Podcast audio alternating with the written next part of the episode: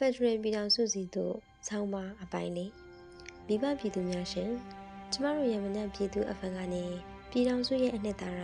ပင်လုံစာချုပ်အကြောင်းဆွေးနွေးထားတဲ့ Federal ပြည်ထောင်စုစီသို့ဆောင်းပါကိုတင်ဆက်ပေးခဲ့တာဟာဒီတစ်ပတ်မှာဆိုရင်အပိုင်းလေးကိုတင်ဆက်ပေးဖို့ကြားရောက်လာပါပြီ။ရှခင်တစ်ပတ်မှာတော့ဘိုးထောင်ဆန်းကဗမာပြည်မှလွတ်လပ်ရေးနဲ့အတူတောင်တန်းဒေသများကိုပါ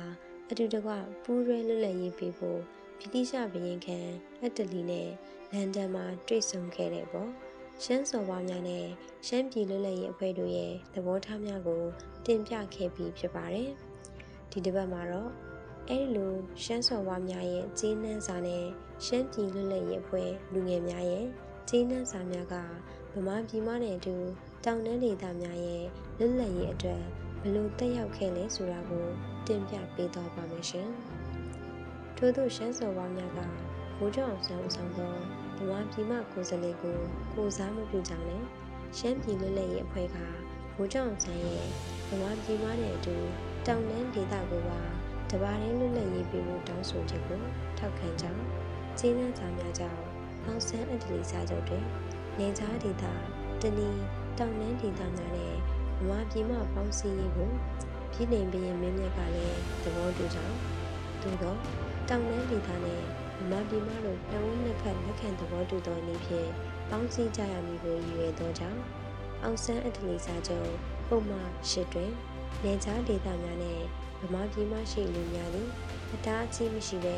ကူးလူဆက်ဆံတွင်နေကြားကိစ္စများတွင်ဘယင်ကံကိုအကြံပေးရန်နေကြားကိုစလဲခန့်အပ်ခြင်း သို့မဟုတ်အခြားနည်းများသော၎င်းနေကြားဒေသများကမိမိတို့ထင်မြင်ယူဆသောဗမာအစိုးရနှင့်တွဲဖက်ပုံနှင့်ပတ်သက်၍မိမိတို့ထင်မြင်သလိုထုတ်ဖော်ပြောဆိုနိုင်ရန်နောက်လာဆန်းကျင်းပမည့်ကွန်ကြီးကွန်ဖရင့်တွင်ဖြစ်စေယခုကိစ္စအတွက်ကွန်ဖရင့်တည်တံ့ကျင်းပ၍ဖြစ်စေနေကြားကောင်းဆောင်ကိုယ်စားလှယ်များကိုမေးမြန်းရမည်ဗမာပြည်မှအစိုးရနဲ့အင်္ဂလိပ်အစိုးရနှစ်ခုစလုံးက နေစားဒေတာခေါင်းဆောင်များရဲ့ထင်မြင်ယူဆချက်များကိုဖြည့်ဆွဲရန်အကောင်းဆုံးနည်းလမ်းကိုသဘောတူလက်ခံရမည်။မြန်မာပြည်မှနဲ့နေကြားဒေတာပေါင်းစည်းရေးအတွက်လိုအပ်သည်များဆောင်ရွက်ရန်စုံစမ်းရေးကော်မတီတစ်ခုကိုဖွဲ့စည်းကြရမည်ဟုသဘောတူစာချုပ်ချုပ်ဆိုရေးသားခဲ့လေသည်။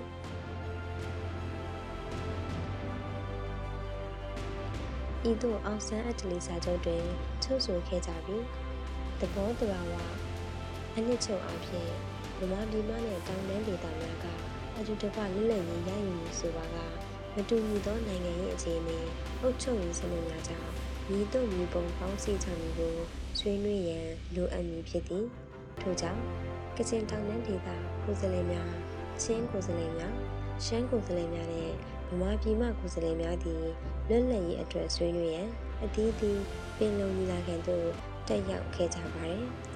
ထိုညီလာခံကိုဒုတိယအကြိမ်ပင်လုံညီလာခံဟုခေါ်ဆိုပြီးဖေဖော်ဝါရီလ3ရက်နေ့မှာ73ရက်နေ့အထိကျင်းပခဲ့ပြီး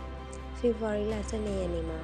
တောင်တန်းနယ်ပြည်မှာပူပေါင်းရေးစာချုပ်ပြည်တော်စုရဲ့အုပ်မြင့်ဖြစ်တဲ့ပင်လုံစာချုပ်ကိုချုပ်ဆိုခဲ့ကြပါတယ်။